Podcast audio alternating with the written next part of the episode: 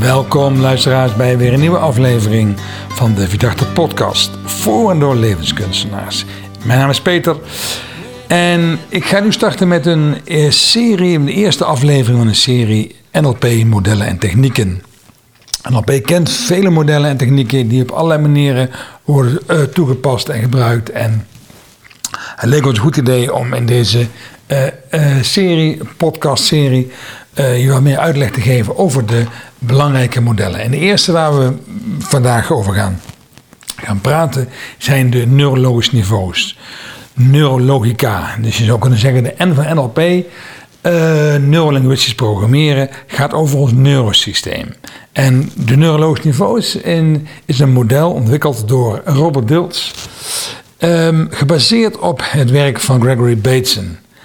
En Bateson, um, overleden in 1980, uh, was een Engelse antropoloog, een linguist en was vooral de laatste jaren in, in uh, uh, San Francisco bezig met cybernetica. De, de beïnvloeding van verschillende elementen op elkaar. En, en een van zijn belangrijkste boeken is Mind and Nature. Dus onze geest en de natuur. En hoe die op elkaar inwerken. En in dat boek beschrijft Bateson uh, onder andere de, uh, de criteria van de psyche. En gaat een aantal lagen uitwerken van wat, wat zijn onze psyche, wat, wat, wat, wat is onze psyche. En um, hoe komt een veranderingsproces, een transformatieproces op gang. En later heeft Robert Deels dit, dit werk van Bateson uitgewerkt en veel meer binnen NLP gebracht uh, in het model de neurologische niveaus. En het model kun je als het ware zien als een driehoek, een staande driehoek. Dus een lijn op de grond en dan twee uh, uh, punten naar elkaar toe, naar boven toe. Waar je zes laagjes kunt onderscheiden in een driehoek. En dat is hoe we het model tekenen. En ik wil eerst even doorlopen door de verschillende elementen van het model. Om daarna uh, met jou samen een oefening te gaan doen. Uh, waardoor je de neurologische niveaus nog meer, veel meer live in je eigen leven kunt gaan, gaan snappen. Het onderste niveau, het, meest basale niveau op de grond, is omgeving. Oftewel context. We leven altijd allemaal in een omgeving. Je kunt niet, niet ergens zijn. Dus uh, ik ben thuis, ik ben op mijn werk, ik ben aan het sporten, ik ben in mijn tuin, ik ben op reis. Dat zijn allemaal verschillende contexten die we hebben, waar we kunnen zijn. De omgeving. De omgeving zegt nog niks over wat we doen of wat we denken, maar het is waar, wanneer en met wie we ergens zijn. Het niveau daarboven, boven context, boven omgeving, is gedrag. Gedrag is het enige wat zichtbaar is in uh, onze bewegingen, wat we doen. Je kunt niet zien wat, wat ik denk, je kunt wel zien wat ik doe. Je kunt niet uh, weten waarom ik het doe, je kunt alleen zien uh, dat ik iets doe. Gedrag. En met gedrag beïnvloeden we de omgeving. Met gedrag beïnvloeden we de context. Gedrag ehm, maakt dat de omgeving verandert. Ik ga opruimen, dan verander ik de omgeving. Ik ga mm, uh, in, in mijn tuin werken, dan krijg ik een andere tuin. Ik ga schrijven aan een boek met mijn gedrag, dan ontstaat er een boek. Gedrag is het meest concrete, zichtbare en hoorbare element. Gedrag is mogelijk omdat we bepaalde vermogens hebben. Dat is het niveau daarboven het van onderaf gezien het derde niveau, de vermogens. Vermogens, oftewel capaciteiten of kwaliteiten, skills, technieken, vaardigheden. Dus omdat ik een bepaalde vaardigheid bezit, uh, kan ik dat omzetten in gedrag. Als ik de vaardigheid heb van bijvoorbeeld ik spreek Spaans, omdat ik Spaans kan spreken, ga je het door mijn gedrag horen. Ga ik het doen. Het vermogen is hetgene wat het, wat het gedrag aanzet. Um, gedrag is wat en vermogen is hoe. In heel veel uh, contexten worden mensen vaardigheden geleerd. In bedrijven wordt er geïnvesteerd in het ontwikkelen van vaardigheden, in skills. Heel veel uh, vaardigheidstrainingen, het geven van feedback, het stellen van vragen, het bepalen van doelen, hebben allemaal te maken met het ontwikkelen van uh, verbale vaardigheden. Heel veel opleidingen die we hebben, hebben genoten, daar komen ook heel veel vaardigheden bij kijken. Heel veel ambachten bestaan uit vaardigheden. De vaardigheid zetten we om in gedrag en door het gedrag wordt de vaardigheid zichtbaar. Het niveau boven vaardigheid, dat is van een hele andere orde. Dat zijn de overtuigingen. De overtuigingen en tegelijkertijd daarbij kunnen we ook zeggen de waarden. Laten we eerst even over overtuigingen hebben. Overtuigingen is dat wat in ons mind zich afspeelt, onze gedachten, de bron van onze gedachten. Een gedachte die steeds terugkomt, wordt voor ons een waarheid. En die waarheid wordt een overtuiging. We gaan geloven dat het zo is. Overtuiging is, de, is dat waar, waar we in geloven, waar we van overtuigd zijn. Ik ben ervan overtuigd dat uh, de lente er snel aan zal komen. Ik ben ook ervan overtuigd dat het vanavond donker wordt. Ik ben er ook van overtuigd als ik naar mijn zoon kijk en naar mezelf dat ik echt zijn vader ben. Ik ben ervan overtuigd dat uh, bewegen goed voor mij is. Ik ben er ook van overtuigd dat ik soms iets te ongezond eet. Dat zou ik iets beter kunnen doen. Allemaal overtuigingen. En we hebben uh, bekrachtigende overtuigingen, maar we hebben ook belemmerende overtuigingen.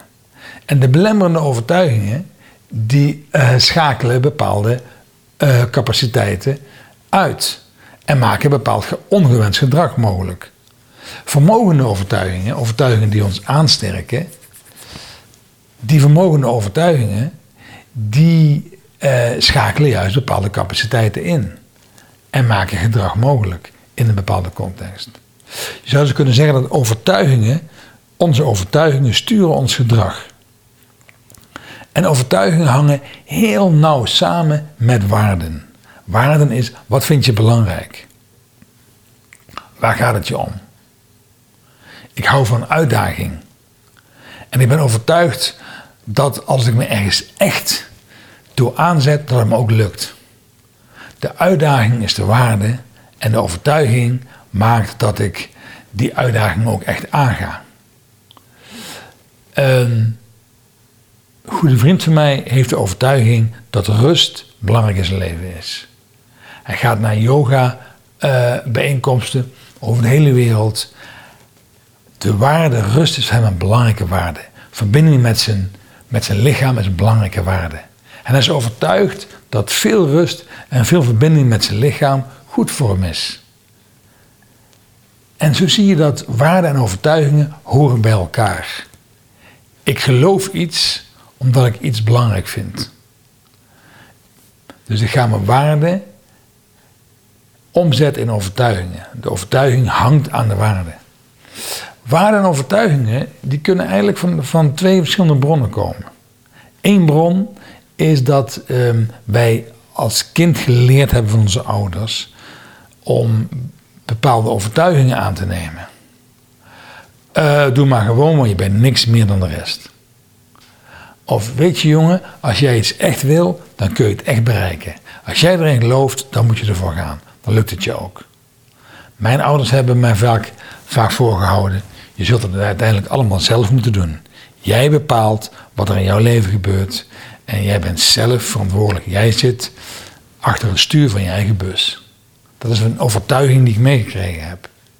Dat heeft me heel vaak veel opgeleverd. Maar soms denk ik ook van, waarom vraag ik geen hulp? Want ik loop het allemaal zelf te doen. Dus een overtuiging kan in ene context juist heel bekrachtigend zijn. En in een andere context kan het heel belemmerend zijn. Dat is wat overtuigingen doen. Waarden, zelfstandigheid was voor mijn moeder een heel belangrijke waarde. Onafhankelijk kunnen zijn. En die waarde heb ik meegekregen. Zorg dat je je eigen broek kunt ophouden. Zorg dat je eh, zelf de regie over je leven neemt. Dan hoor je al hoe waarden en overtuigingen bij elkaar horen. We kunnen bekrachtigende overtuigingen van onze ouders meekrijgen, of uit ons systeem meekrijgen. Maar we kunnen ook belemmerende overtuigingen meekrijgen.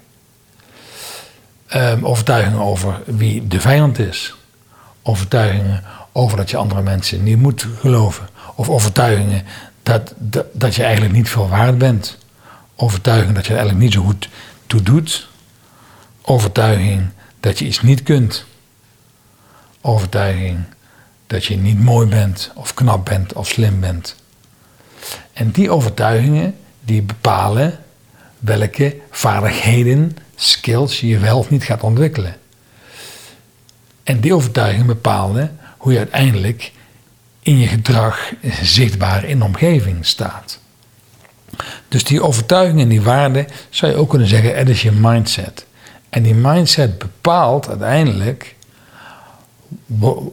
wat je gaat doen in je leven. Overtuigingen bepalen welke uh, beroep of baan, functie je wil. Ga ik in loondienst? Ga ik zelfstandig werken? Ga ik uh, internationaal werken? Hou ik het heel rustig en klein? Heb ik steeds weer nieuwe uitdaging nodig? Onze waarden en overtuigingen zijn voortdurend zichtbaar in wat we doen. En die waarden en overtuigingen komen voort uit onze identiteit, uit ons zelfbeeld. Waarbij waarde en overtuiging veel meer de waarom-vraag stel, is de identiteitvraag is wie. Wie ben ik? Wie ben jij?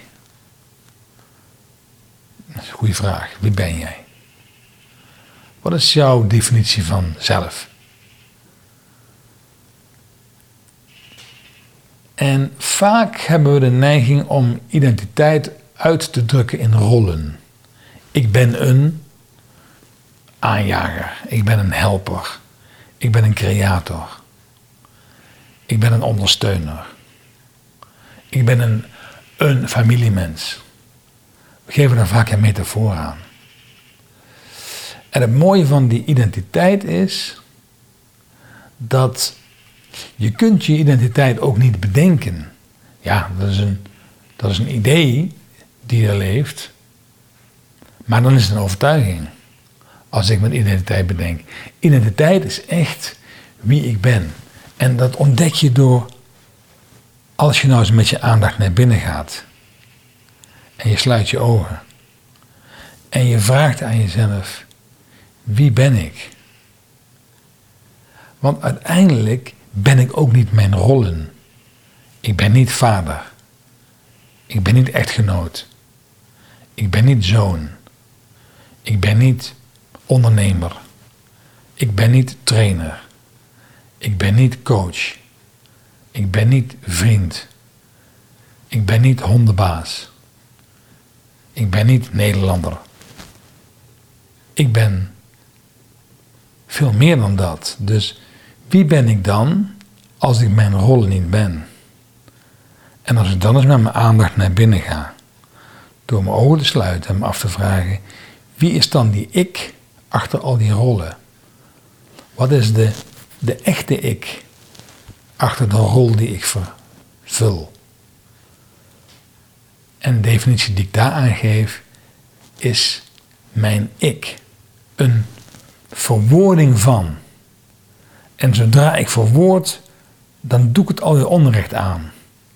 Want dan vervorm ik alweer de werkelijkheid.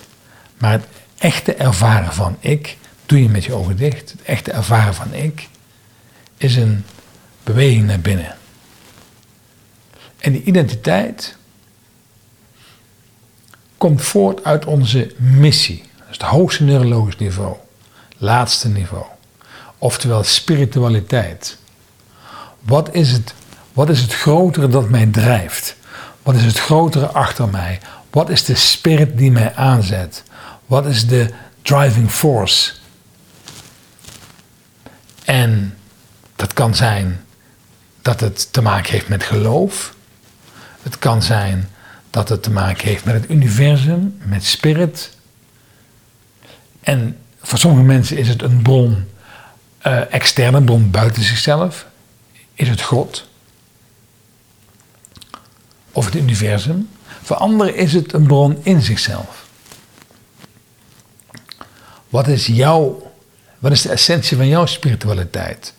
Wat is jouw missie? En een mooie uitleg die ik laatst hoorde ging over de zon. Wat is jouw zon? En ik moest daaraan denken omdat ik vaak als metafoor zelf gebruik.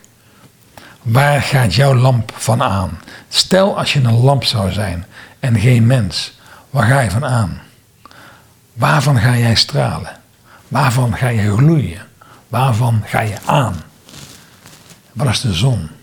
Wat is de zon die jou energie geeft? Wat is de zon die jouw eh, cellen oplaat? Wat is jouw zon? Wat zet jou in beweging? Het Engelse woordje sparkling. Waar ga jij van sparkelen, van stralen? Wat is jouw sparkling sun? Wat is jouw missie? Wat doe je eigenlijk al heel je leven wat je niet niet kunt doen? Als mensen die jou heel goed kennen, zouden zeggen wat jij voor iemand bent en waar jouw leven in essentie om draait, wat zouden ze dan zeggen? Als jij niet meer zou zijn, wat missen mensen dan met name? Wat voeg jij toe in essentie? Het is goed om een idee te hebben van je missie, waar het jou om gaat. En het makkelijke daarbij is dat datgene waar je blij van wordt, dat is een expressie van je missie. Datgene waar je stress van krijgt, is het juist de andere kant daarvan. Weet je, mensen worden niet overspannen omdat ze veel uren werken. Mensen worden overspannen omdat ze dingen doen die tegen hun natuur, tegen hun zon, tegen hun missie ingaan. En dan is het goed om te weten dat missie is eigenlijk datgene waar je energie van krijgt. Waar je graag voor opstaat. En als ik deze niveaus nou eens even van boven naar beneden doorloop, zou je kunnen zeggen één missie. Het hoogste niveau. Spiritualiteit. Twee, identiteit. Drie, overtuigingen en waarden. Vier, capaciteiten. Vijf, gedrag. En zes, omgeving. En daar kunnen we een oefening mee doen. Want het leuke is dat deze neurologische niveaus kun je hanteren op jezelf, op ons mensen, op, op, op je mens zijn. Maar deze neurologische niveaus kun je ook hanteren op je relatie. Deze neurologische niveaus kun je ook gebruiken bij bedrijven. Ik heb ooit eens een keer prachtig om te mogen doen, een bedrijf gecoacht op basis van deze neurologische niveaus. En wat is jullie missie? Waar gaat het je in essentie om als onderneming? Wie zijn jullie dan? Wat zijn belangrijke waarden, kernwaarden in organisatie? En welke overtuigingen ondersteunen die? En wat voor een model, wat voor een, uh, uh, een capaciteitenbak komt daaruit voort? Wat zijn de skills waar, die jullie inzetten, waartoe je in staat bent om je onderneming goed te laten werken? En wat doen jullie dan precies? Wat zijn de gedragingen? Wat zijn de, de functies die mensen hebben? In de omgeving, in de context, daar waar een bedrijf staat. En dat was schitterend omdat de verbinding van het hoogste naar het laagste, of van het laagste naar het hoogste neurologisch niveau, noemen we alignment. Noemen we de verbinding, de uitleiding van de zes neurologische niveaus. Ja, net zoals ik af en toe naar een osteopaat ga, die dan weer eventjes alles recht zet in mijn rug. Dan staat weer alles recht, dan stroomt het door. En zo kun je het ook zien bij de neurologische niveaus. Er is weer verbinding. Ik verbind weer mijn spirit met mijzelf, met mijn overtuigingen en waarden, mijn mindset is dat, met mijn skills en mijn gedrag daar waar ik ben. Nou, laten we een oefening doen. Uh, maak eens een keuze uit een context waar je vaker bent. Bijvoorbeeld, de oefening kun je doen met uh, uh, je werk, je gezondheid, je relatie, een hobby. Nou, vraag 1. Waar en wanneer en met wie Waar ben je dan? Waar is dat? In die context. Wat is de context? Wat is de omgeving? Waar is het? Wanneer ben je daar? En met wie ben je daar? In die omgeving.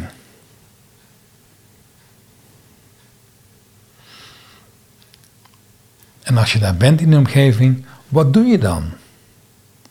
Als mensen jou waarnemen op een afstand, mensen jou ehm, observeren, wat zien ze dan? Wat horen ze dan?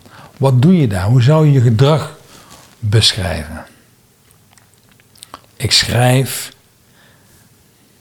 ik rijd in mijn auto, ik ben aan het hardlopen.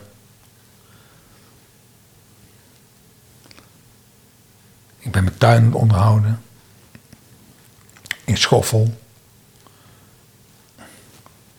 Wat doe je daar? Waaruit bestaat je gedrag? En als je dat doet, uit welke capaciteiten, uit welke vaardigheden, uit welke skills komt dat gedrag voort? Waaruit ontstaat dat gedrag? Welke vaardigheid heb je waardoor je dat gedrag kunt doen? Wat kun je dan? Het kan één vaardigheid zijn of misschien wel vier vaardigheden. En waar geloof jij in? Waar geloof je in als je dat doet? Welke overtuiging heb je? Of uit welke overtuiging komt dat gedrag voort? Uit welke overtuiging heb je die vaardigheid ontwikkeld? Waar geloof je in? Als jij daar in die context dat gedrag doet, ontstaan er die vaardigheid. Wat is een belangrijke overtuiging daarbij? Of misschien wel meervoud overtuigingen.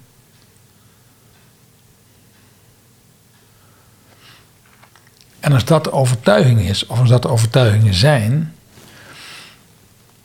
wat is dan belangrijk voor je?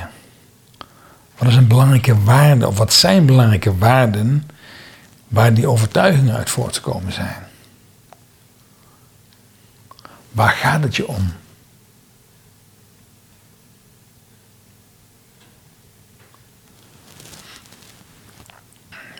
En als je weet wat die waarden en overtuigingen zijn, wat is dan het grotere geheel van die waarden en overtuigingen? Wie ben jij dan? Wie ben jij dan die deze waarden en overtuigingen aanzet? Wie ben jij in die context? Wie ben jij met dat gedrag? Wie ben jij met die vaardigheden? Wie ben jij met die overtuigingen en waarden? Wie ben jij daar dan? je kunt antwoorden in een metafoor, in een rol. Ik ben een.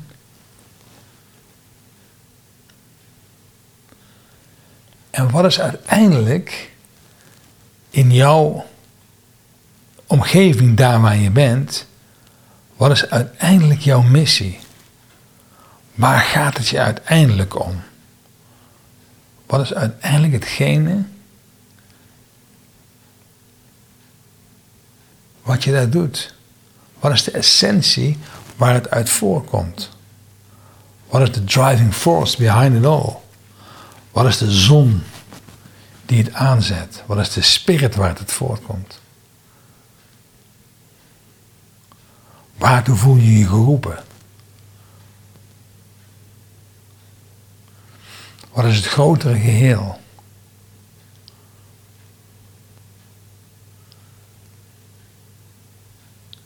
Met deze vraag heb je eigenlijk die zes neuroloogniveaus in kaart gebracht. Dat is fijn dat het tegelijkertijd voor jezelf werkt als een soort kader. Als ik er een lijstje omheen zet, heb ik een kader waarbinnen ik al deze niveaus geplaatst heb. Dan weet ik niet alleen maar waar ik iets doe, wat ik daar doe, hoe ik het doe, waarom ik het doe, maar ook wie ik ben en van waaruit ik het doe. Want dat is het mooie bij missie. Missie is van waaruit. En dan is het aligned. Dan is het verbonden. Wat het mooie van deze verbonden neurologische niveaus is, dat ik dan ook heel goed weet hoe ik bekrachtigend mezelf kan neerzetten. Want ik weet namelijk wat, welk gedrag daar wel bij hoort en welk gedrag daar niet bij hoort. Welke capaciteit ik wel nodig heb, welke capaciteit ik niet nodig heb. Welke omgeving juist wel goed werkt en welke omgeving juist niet goed werkt. Dus ben ik veel meer in staat om mezelf te leiden. Ben ik een leider voor mezelf. Ga ik daardoor de leiderschap over mezelf nemen en mezelf sturen. Dat is zo mooi van deze niveaus. Ik ben zelf in staat om mijzelf feedback te geven over waar, wanneer en met wie, wat, hoe, waarom, wie en van waaruit. Waardoor ik mijn eigen persoonlijke groei kan inzetten. Want dat is wat, wat NLP doet met deze neurologische niveaus. Daar waar ik een belemmerende overtuiging heb.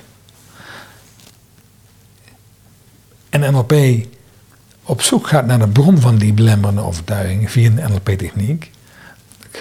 Kan ik mezelf in staat stellen om de belemmerende overtuiging te neutraliseren of hem juist om te zetten in een bekrachtigende overtuiging. Als ik dat kan doen, dan ben ik nog beter weer in staat om verbonden met mezelf te zijn. Want ons lichaam en geest is één eenheid. En hoe meer ik mijn neurologische niveaus op orde heb, hoe meer ik de rust in mijn lijf vind. Hoe meer ik uh, contact heb met de essentie in mezelf. Sommigen noemen het ook wel de ziel. Hoe meer ik verbonden ben met het grotere geheel. Hoe meer ik opensta voor wat er nog meer is in de wereld. Hoe meer ik een spiritueel mens ben. Dus die verbinding van die neurologische niveaus zijn essentieel om een fijn, leuk, goed, geïnspireerd, succesvol leven te leiden. Maar meestal gaan wij de belemmering uitdrukken op een te laag neurologisch niveau. Dus een coach gaat op zoek vanuit, deze, vanuit dit model naar op welk niveau moet ik een verandering creëren. Want een verandering op omgevingsniveau is, ik zet mijn bankstel aan de andere kant van mijn, woonkamer. Ik uh, ga het schilderijtje ergens anders neerhangen. Je snapt wel, dat is een laag niveau van verandering. Het kan soms impact hebben, maar meestal zal dat niet echt uh, doorslaggevend zijn. Ik kan mijn gedrag veranderen, maar als ik nog steeds dezelfde overtuiging en dezelfde hetzelfde onvermogen heb, dan ga ik alleen maar een soort extra deel creëren en een weerstand in mezelf opbouwen. Dus wil ik echt iets veranderen, dan zal ik naar de hogere niveaus toe moeten. Binnen organisaties worden heel, wordt heel veel getraind op vaardigheden. En dat is fijn, omdat je dan je gereedschapkist vergroot. Alleen heeft het één groot nadeel. Wanneer ik niet overtuigd ben dat dat gereedschap voor mij goed is, dan ga, ik het niet oppakken. Dus hoeveel skills wordt niet geleerd binnen organisaties waar mensen veel te weinig of soms zelfs niks mee doen. En dan is het mooi dat je begint op het niveau van overtuiging en waarde, of misschien nog wel identiteit en missie. Zo van jongens, waarom zijn we hier? Waarom willen wij dit gaan doen? Waar geloven wij in? En hoe is dat met jou? Geloof jij daar ook in? Ben je ook verbonden met deze missie. Dus het is ook jouw missie. En dat is het mooie dat op die niveaus kun je dus op allerlei manieren gebruiken. Enerzijds om mensen te inspireren, anderzijds om te ontdekken van waar zit een belemmering, een, een weerstand. En uiteindelijk gaat het mij helpen, omdat als ik die niveaus ook kan verbinden, in een mooie spreekbeurt, als je hebt geluisterd naar Obama, als hij weer een, van zijn geweldige speeches houdt, dan heeft hij het ook over zijn missie. Dan heeft hij het ook over, over hoe hij het land ziet. Wie zijn wij? Dan heeft hij het ook over zijn overtuigingen en waarden. En dat is een mooie, dat hoe meer ik op de, neurologische, de hogere neurologische niveaus kom, hoe meer mensen geïnspireerd raken. En zelfs elke vorm van hypnose is heel erg veel vanuit waarden en overtuigingen. Mensen raken, mensen inspireren. En op die manier ga ik bekrachtigende overtuigingen, als het ware, in mensen stoppen. Dat, en dat is zo mooi van het onderbewuste. Het onderbewuste neemt alles op wat beter is dan wat al opgenomen is. Onderbewuste kiest de weg van de minste weerstand. Dus wanneer een bekrachtigende overtuiging aangenamer is om aan te nemen dan een belemmerende overtuiging, zal ik die aangename, bekrachtigende overtuiging kiezen. Behalve wanneer er nog een emotie is, die moet ik opruimen. En daarom heeft NLP zulke mooie uh, tijdlijntechnieken om naar het verleden te gaan, om daar een belemmering aan te pakken, een overtuiging op te ruimen, waardoor ik weer de alignment in mezelf vergroot. En dat is uiteindelijk waar het neurologisch niveau over gaat. Van spiritualiteit langs identiteit, waarden en overtuigingen, capaciteiten, gedrag en omgeving. Gemaakt door Robert Deels, geïnspireerd door het werk van Bateson. De neurologisch niveaus binnen NLP. Nou, ik zou zeggen tot binnenkort en dan ga ik verder met een volgend NLP-model techniek. Tot ziens, tot kijk bij de Verdachte Podcast. A we might just catch your tailwind. Hey, fellow traveler, keep traveling, keep traveling.